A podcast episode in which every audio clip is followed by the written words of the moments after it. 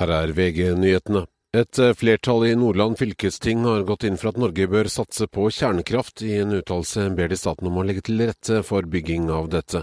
De ber også om at godkjenning av reaktorteknologi fra andre land bør gjelde automatisk i Norge.